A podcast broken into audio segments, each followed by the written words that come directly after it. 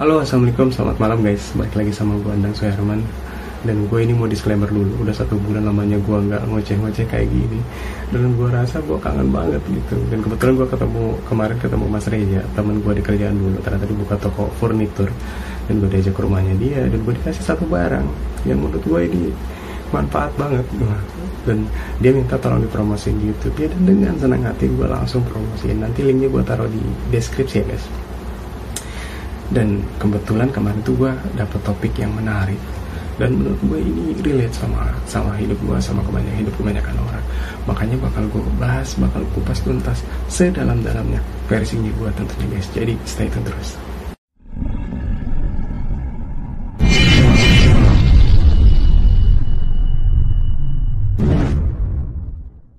Generasi sandwich.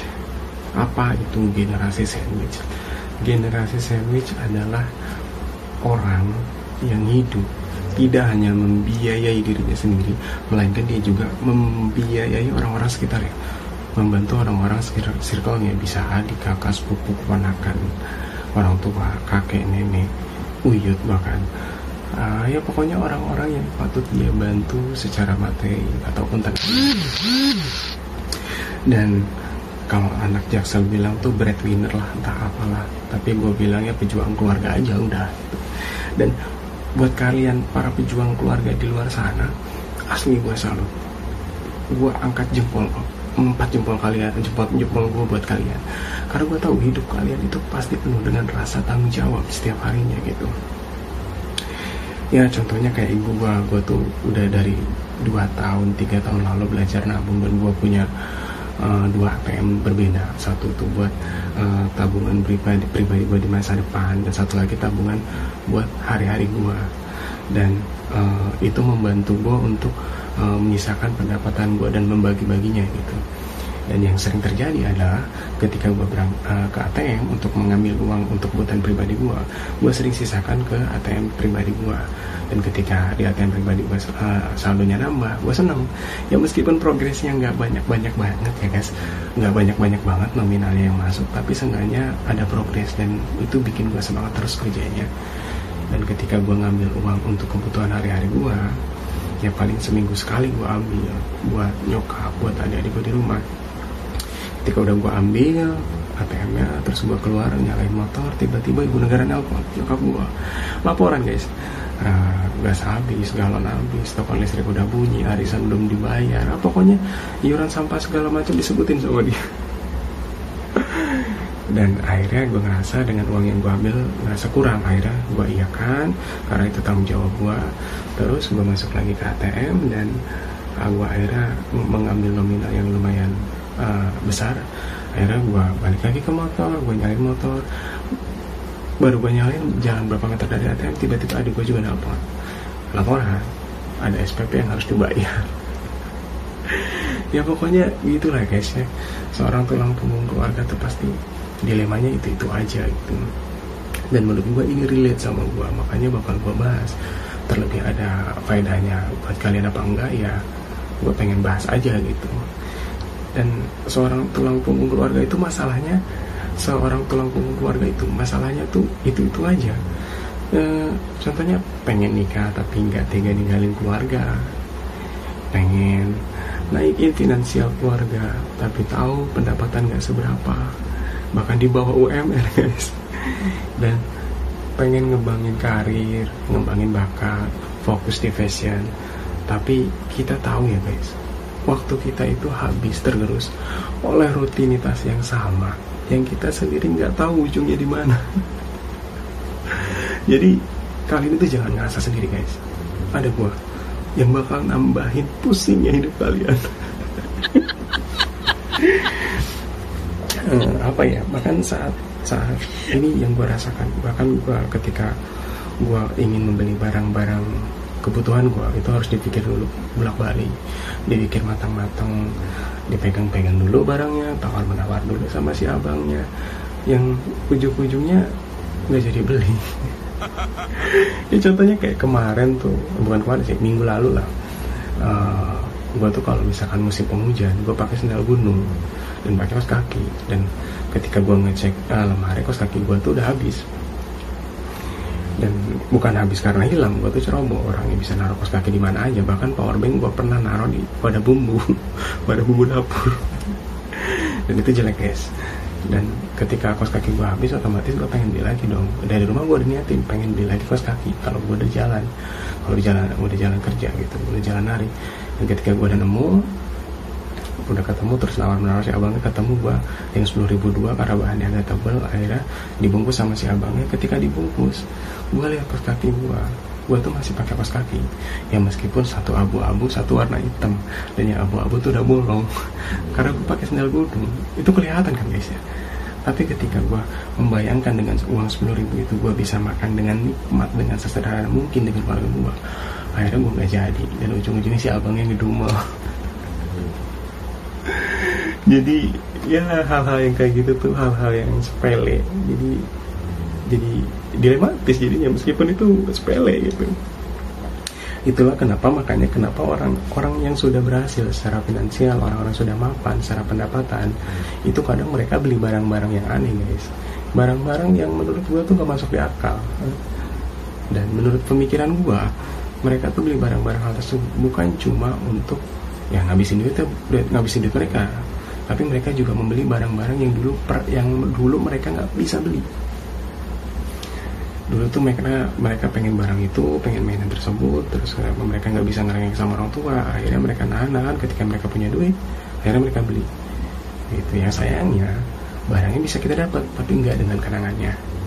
Begitupun sama gue gue sering masih sering buka-buka Facebook buat nyari-nyari mainan zaman dulu. Tamiya model pertama Gundam, Zoe, action figure, action figure yang model-model dulu lah. Masih gue searching gitu. Karena gue seneng gitu. Dan makanya guys sekarang tuh yang mainin-mainin mainan tuh bukan cuma anak-anak bukan cuma remaja. Orang tua juga banyak. Dan hmm, sedikit cerita guys gue tuh uh, mau bahas ini tuh random aja nggak nggak terstruktur segala macam. Ya pokoknya gue pengen cerita aja terlepas ada yang mau dengerin apa enggak ya gue gak peduli gitu. Ya syukur-syukur ada yang dengerin gitu. Gue tuh anak ketiga dari lima bersaudara dan kakak gue dua satu perempuan satu laki-laki dan adik-adik gue tuh dua-duanya perempuan. Dan saat umur gue belasan tahun itu kakak-kakak gue udah nikah udah punya keluarga masing-masing dan posisinya tuh bokap tuh udah mulai sakit-sakitan. Ingat banget dari umur gue 14-15 tahun tuh bokap udah mulai sakit-sakitan. Dan gue ngerasa ini tanggung jawab gue bukan tanggung jawab kakak-kakak gue karena mereka juga udah punya keluarga. Dan gue tahu ekonominya tuh gak bagus-bagus banget gitu. Jadi dengan bodohnya gue itu gue, gue pede gue bisa nanggung semuanya. Yang pada akhirnya gue tuh keteteran bahkan gue sering ngedumel tuh sama nyokap tuh.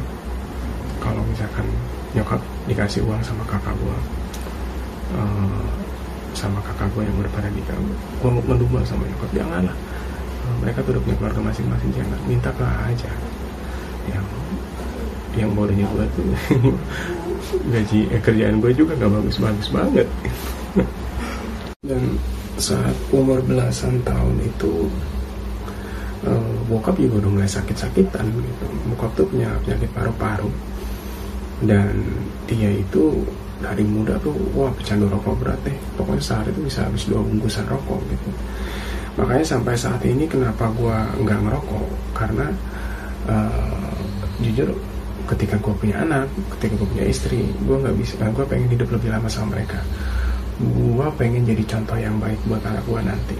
Dan gue tahu oh, dulu tuh gue dikasih hasil ronsenan paru-paru bokap dan gue ya ya eh gitulah pokoknya hasilnya. Bikin bikin gue nggak mau lihat lagi gitu. Dan saat itulah hampir 90% pendapatan gue itu gue kasih nyokap. Dan karena nyokap itu orangnya orang dulu gitu ketika dia punya uang pasti dia beli emas gitu dan kadang emas itu terjual lagi untuk kebutuhan bokap gue ke rumah sakit. Kalau nggak buat adik-adik gue biaya sekolah gitu. Makanya kadang kalau inget itu gue ngerasa kasihan juga gitu. Gue beliin dia barang gue gue pakaiin dia apa yang dia pengen. Tapi tiba-tiba kadang sebulan kemudian dua bulan kemudian itu akhirnya kejual lagi. Dan sedikit cerita ya guys nah ini random aja gue nggak nggak terstruktur atau gimana karena ini murni cer uh, ceratan gue saat umur gue belasan tahun kalau saat 14 tahun deh saat gue tahu gue putus sekolah. Karena uh, dulu tuh gue sempat punya tempat tinggal dan nggak tahu gimana ceritanya hmm, tanahnya dijual karena itu tanah warisan terus akhirnya bokap itu nyari-nyari tempat yang kosong yang bisa ditinggalin dirawatin gitu. Jadi ya kalau dihitung-hitung gue 20 kali lebih dia pindah rumah. Ya kalau ketemu orang di kondangan atau di mana tuh eh si sini ya. Oh iya iya apa kabar? kata gue dan eh siapa? gitu. Eh, eh gimana? Lu sehat? Tuh terus oh iya alhamdulillah. Lu siapa ya? Gitu. Dan uh, jadi bokap itu kan dua tahun pindah setelah dua tiga tahun pindah terus kan yang punya vilanya ngerasa vilanya udah bagus sudah rapi akhirnya bokap gue dikasih uang terus suruh pindah gitu. Ya hampir 20 kali lebih selama gue hidup tuh pindah-pindah rumah. Jadi uh, gue salutnya sama nyokap sih. Uh, bisa bisa segitu ngikutinnya bokap gue gitu. Dan nggak bisa tuh luar biasa menurut gue dan uh, saat gue umur belasan tahun tuh karena gue sering dibully pas sekolah. Karena gue naik angkot dua kali dan angkot yang pertama itu beda sekolah. Jadi gue sendiri yang diangkot itu. Sel uh, sisanya tuh anak sekolahan lain. Jadi uh, jurusannya beda gitu. Dan akhirnya gue putus sekolah gue pernah diajak jualan soto sama tetangga gue gue jualan soto di daerah Matraman depan Depsos. Dan kos kosannya tuh di Kayu seberang rel Jatinegara Pramuka dan gue tuh bangun jam 2 pagi. Terus ngambil sepeda terus uh, nyebrang rel ngambil barang-barang terus balik lagi masak apa segala macam jam 5 setengah tuh udah beres. Gue dorong gerobak ke Depsos mulai jualan jam 7 orang-orang sarapan. Terus pulang jam 5 sore jam 5 sore cuci piring segala macam nyuci gerobak. Jam 7 istirahat. Dan jam 2 pagi bangun lagi terus gitu ritmenya dan kalian tahu gue dibayar berapa? Gue dibayar 100 ribu. Bukan per hari tapi per minggu. Dan ya saat itu gue seneng karena oh gue ah, ah, begini rasanya. Gue dapet duit gitu gue punya uang gitu. Terus um, gue pernah jualan kalau gue pernah jualan pinggir jalan kalau daerah orang Betawi itu bilangnya jongko jongko itu dia bisa jualan apa aja. Ada kelapa muda, ada bakso, ada soto, saya ingat gue ada sebuah segala macam. Dan mengharuskan gue itu bangun jam abis subuh. Abis subuh tuh gue harus masak masak segala macam terus bawa bawa bahan-bahannya ke tempat jualan terus buka jam 8 pagi udah rapi. Jam 10 malam tuh gue nutup. Dan bos gue kadang jarang hari tempat kali dia cari kelapa. Karena keuntungannya lebih besar dari kelapa dibanding uh, jualan ya, yang lain yang ada di situ. Dan kalian tahu gue dibayar berapa? Gue dibayar 700 ribu per satu bulan. Bukan per minggu guys. 2012 2013 kalau nggak salah. Dan gue seneng karena ya uh, eh, gue nggak tahu uang segitu tuh gue bisa pakai segala macam. Ya mungkin sekarang tuh ya nggak bakal cukup lah gitu. Terus gue pernah uh, kerja di studio musik yang mana hampir setiap hari gue ketemu ketemu hampir seneng sih gitu. Uh, tapi pada akhirnya saat itu bokap udah mulai sakit-sakitan gitu dan gue digaji kalau nggak salah 1,3 dan itu bersih. Dan kata ketika mulai buka udah sakit-sakitan ya gue dilema. Dilemanya antara, antara gue kalau kerja tuh gue nggak bisa kontrol dia.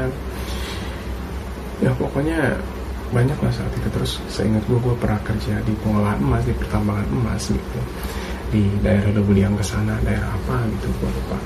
Dan itu tuh dapat uangnya lama banget guys karena itu proses pengolahannya bisa satu minggu lebih bisa 10 harian gitu gak dapat uang. Terus saat itu bokap gue nanya gitu ah gimana? Betah nggak waktu kerja gue kerja di pengolahan? Mas betah pak kerjaannya enak gini gini gini. Padahal ternyata bokap gue waktu udah pernah kerja di pengolahan mas juga dan dia tahu kerjanya kayak gimana saat itu bokap datang ke tempat kerjaan gue terus gue lagi main lumpur-lumpuran kayak kerbau gitu. Lagi ngangkat lumpur dari kolamnya gitu. Saya gue dimaki-maki dimarahin dan suruh pulang.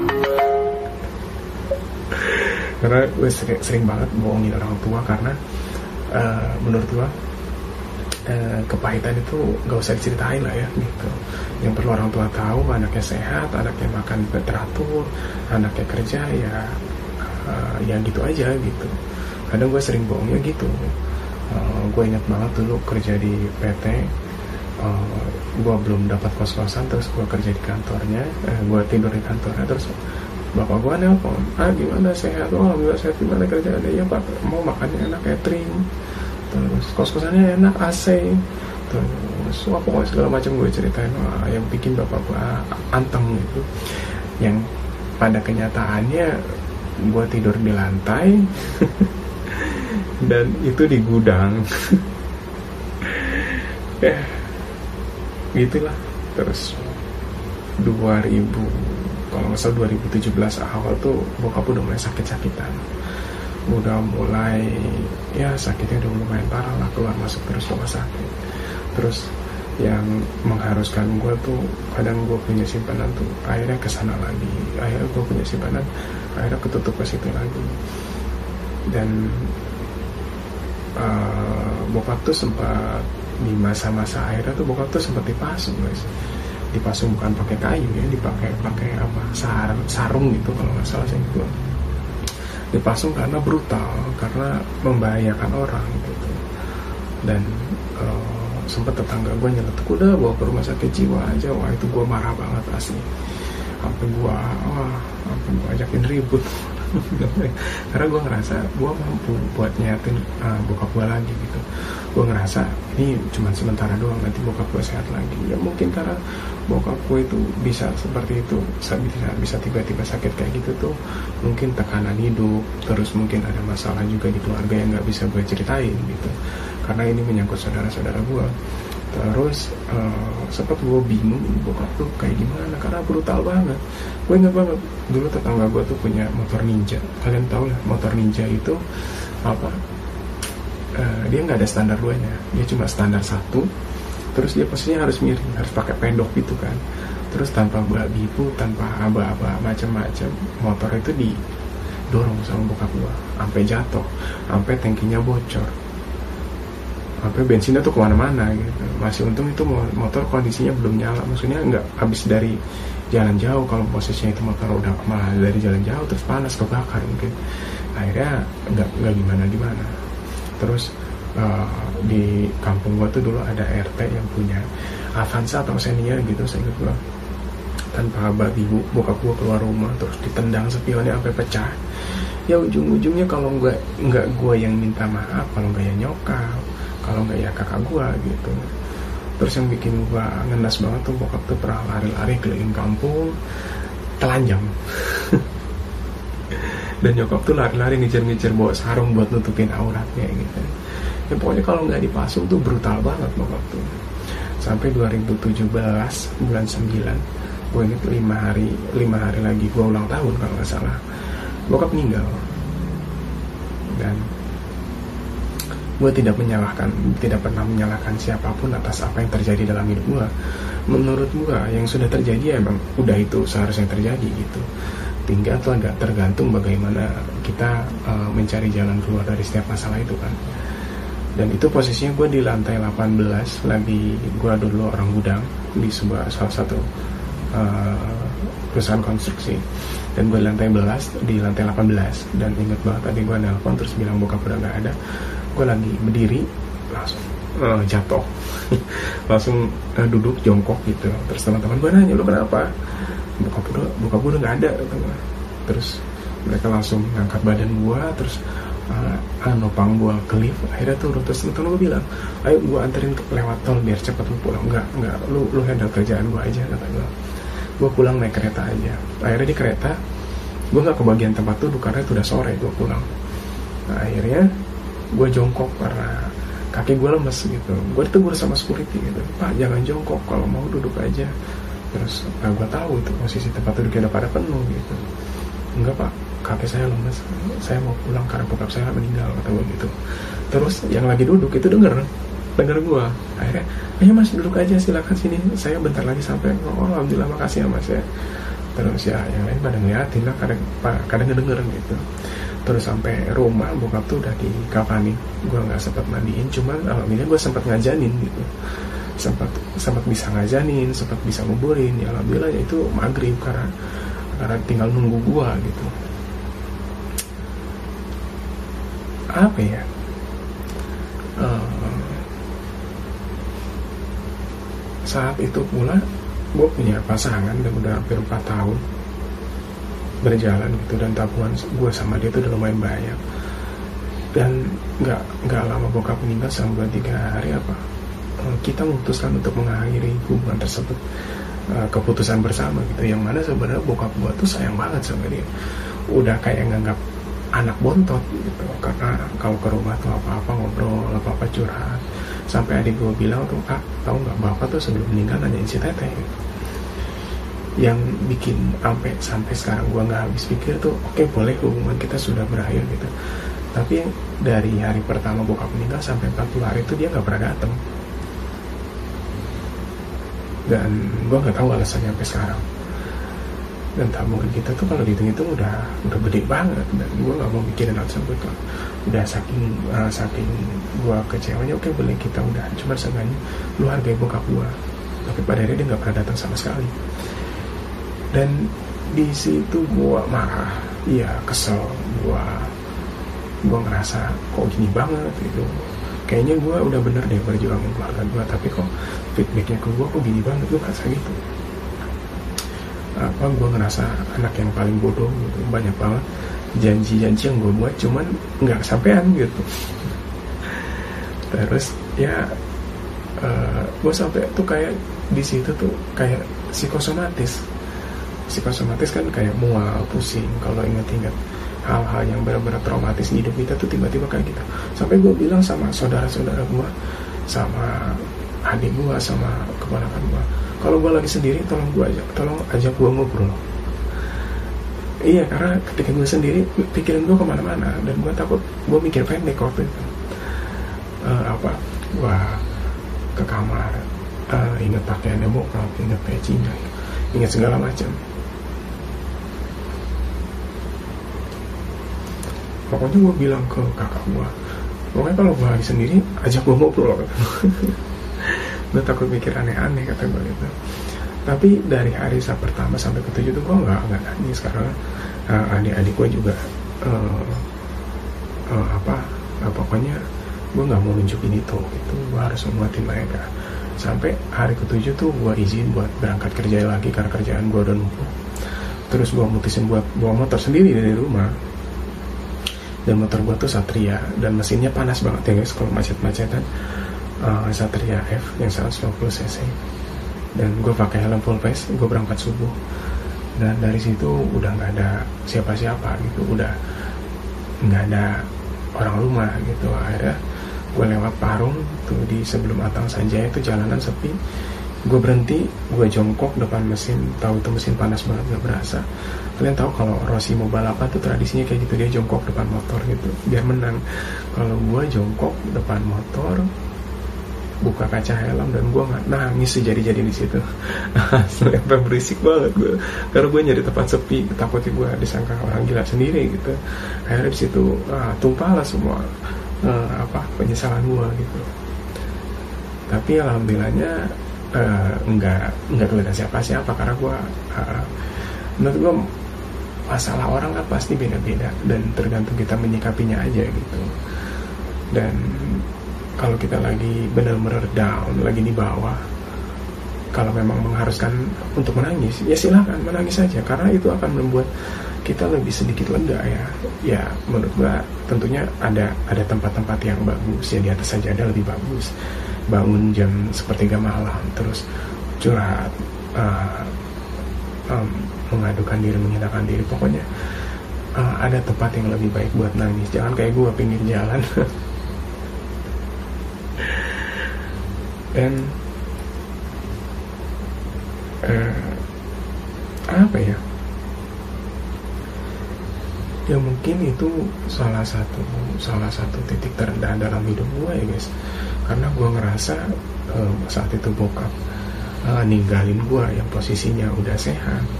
Terus gue pernah nanya-nanya ini bokap gue tuh sakit gini loh gimana caranya? Kita nanya sama teman-teman oh kalau orang tua lo sakit kayak gitu lo harus bikin dia terus ada kesibukan. Akhirnya sebelum buka apa-apa tuh gue buka rental PS jadi gue bikin gimana caranya bokap tuh ada kesibukan sempet 8 unit PS2 sama PS3 jadi gue murahin banget kan kalau orang-orang lain tuh sejam tuh 3000 PS2 eh 2 3000 terus PS 3 tuh 5000 gue bikin 2000 satu jam.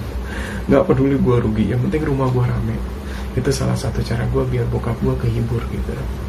Terus kalau gue pulang tuh bokap ceritanya wah PS rame gini, gini, gini. Terus malam-malam tuh kalau anak-anak takut pulang bapak anterin bapak pokoknya ceritanya antusias banget. Jadi yang dulu gue cerita ngeluh sama bokap dulu yang gue kayak bocah akhirnya pas bokap cerita tuh kayak gue dengerin bocah gitu. Ya seru sih tapi ya mungkin salah satu bentuk ikhtiar gue biar bokap tuh tersibukkan sama apa yang gue lakukan gitu. Tapi lucunya itu ya namanya usaha kan pasti ada saingan ya guys ya tetangga gue buka juga rental PS kan konyol ya. Jadi akhirnya tetangga gue kan belinya baru semua. Karena sedangkan gue belinya second second dan itu pun belinya nyicil. Gue gajian gue beli satu unit. Gue gajian beli TV nya satu unit. Gue gajian beli satu unit PS nya sampai 8 unit itu hampir 6 bulan gue kumpulin hampir 6 bulan 7 bulan gitu. Tapi tetangga gue karena mungkin merasa rumah gue rame terus nyokap gue jualan di situ adik gue jagain rental gantian sama bokap pulang sekolah. Terus rental gue sepi. Karena tetangga gue ini unitnya baru semua gitu. Sedangkan gue second second pasti ada aja trouble ya dan pada akhirnya bokap kamu lagi. Dan ya. Sebelum lima hari lagi gue ulang tahun ke gue hmm, empat apa dua lima gitu. Ya bokap ada gitu. meninggalkan penyesalan yang luar biasa sampai sekarang